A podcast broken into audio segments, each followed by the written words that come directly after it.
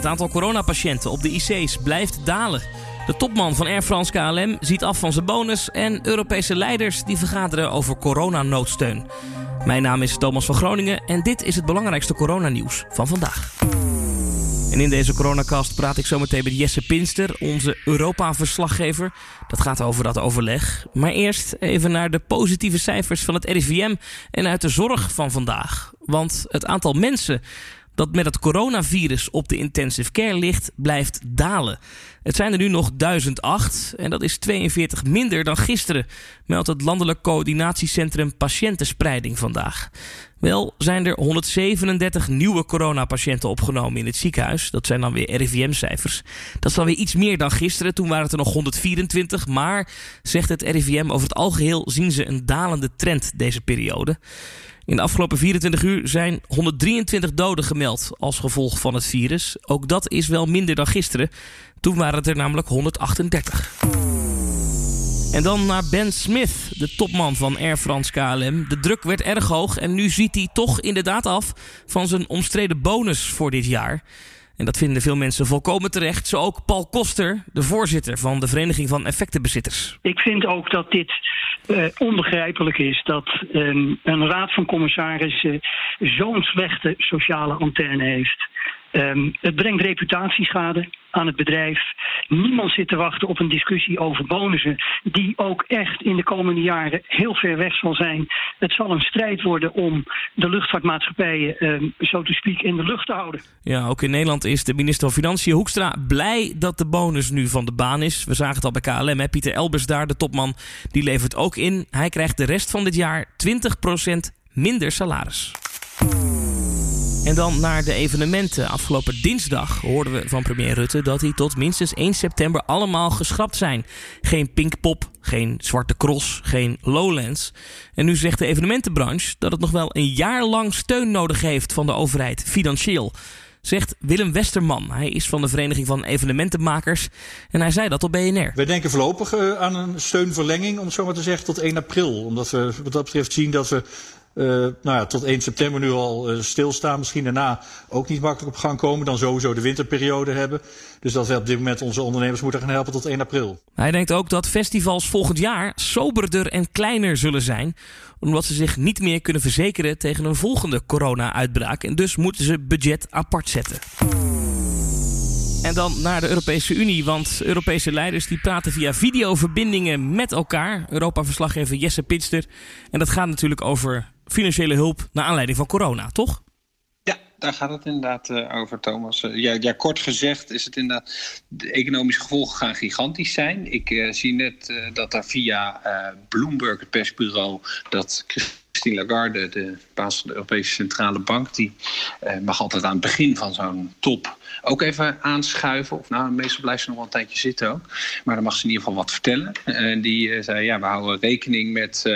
Nou, we gaan uit eigenlijk van 9% krimp in de, de, de eurozone. Dus de economie met alle eurolanden. Maar dat kan oplopen tot 15%. Weet je? En dat zijn natuurlijk wel heftige cijfers. En dus de vraag is, uh, hoe, hoe gaan ze dat opvangen? Want ja, die, die, kijk, Spanje, Italië zijn natuurlijk heel zwaar getroffen. Daar kunnen ze eigenlijk zelf niet zo heel veel aan doen.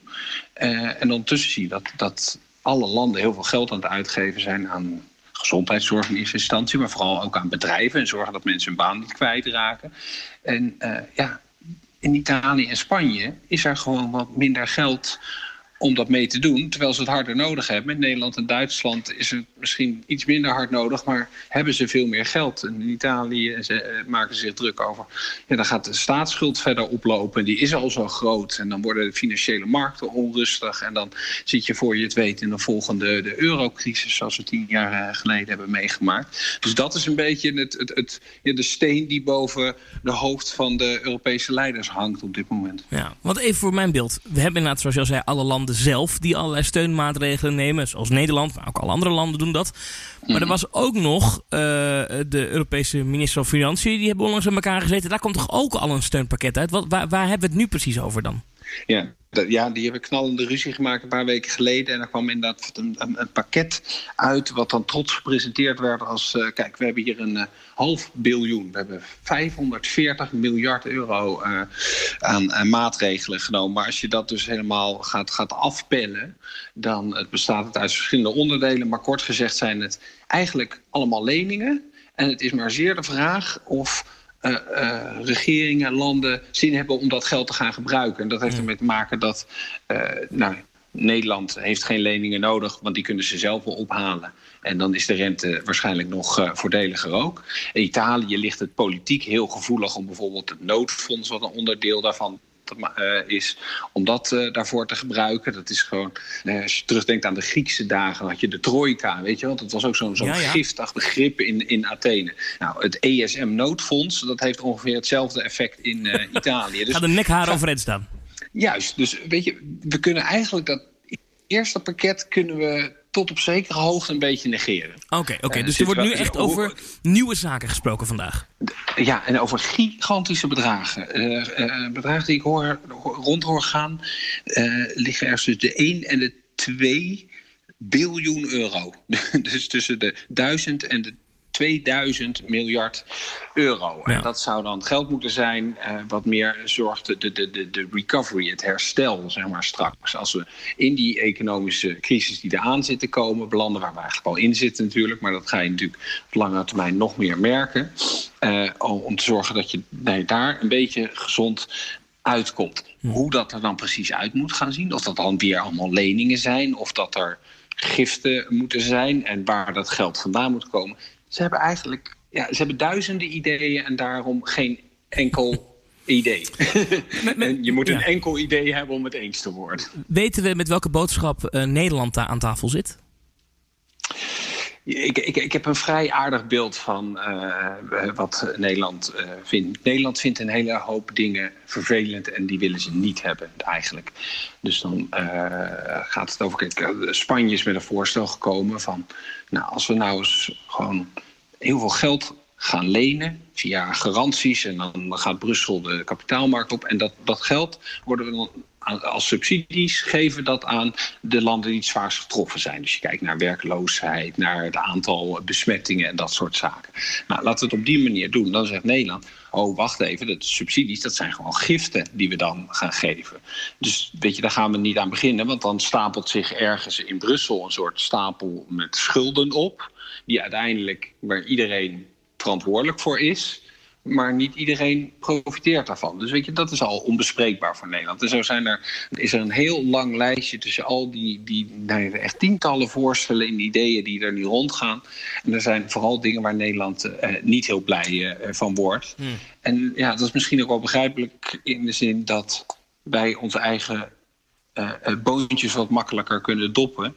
Aan de andere kant, weet je, er wordt heel veel gesproken over solidariteit met het zuiden, met landen die zwaar getroffen zijn.